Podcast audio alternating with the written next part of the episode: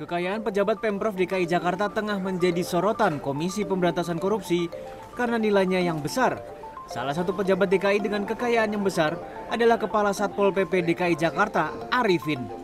Berdasarkan laporan harta kekayaan pejabat negara tahun 2021, kekayaan Arifin mencapai 24,5 miliar rupiah. Hal tersebut menjadikan Arifin sebagai pejabat terkaya di lingkungan Pemprov DKI Jakarta. Ditemui di gedung Balai Kota DKI Jakarta selasa siang, Arifin pun membantah.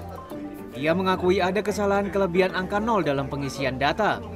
Kini ia mengaku tengah memperbaiki data tersebut agar tidak terjadi kesalahpahaman. Ada kesalahan dalam pengisian data. Nanti kita akan perbaiki.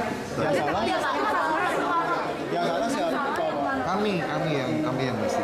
Ya ada beberapa. Ya lebih. ya nanti akan kita.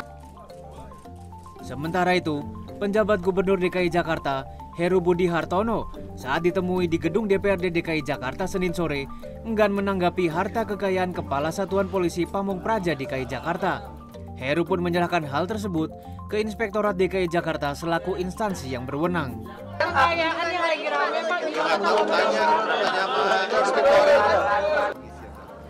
Berdasarkan data LHKPN periode 2021, Arifin tercatat memiliki aset berupa dua bidang tanah serta tujuh bidang tanah dan bangunan. Tim Liputan CNN Indonesia.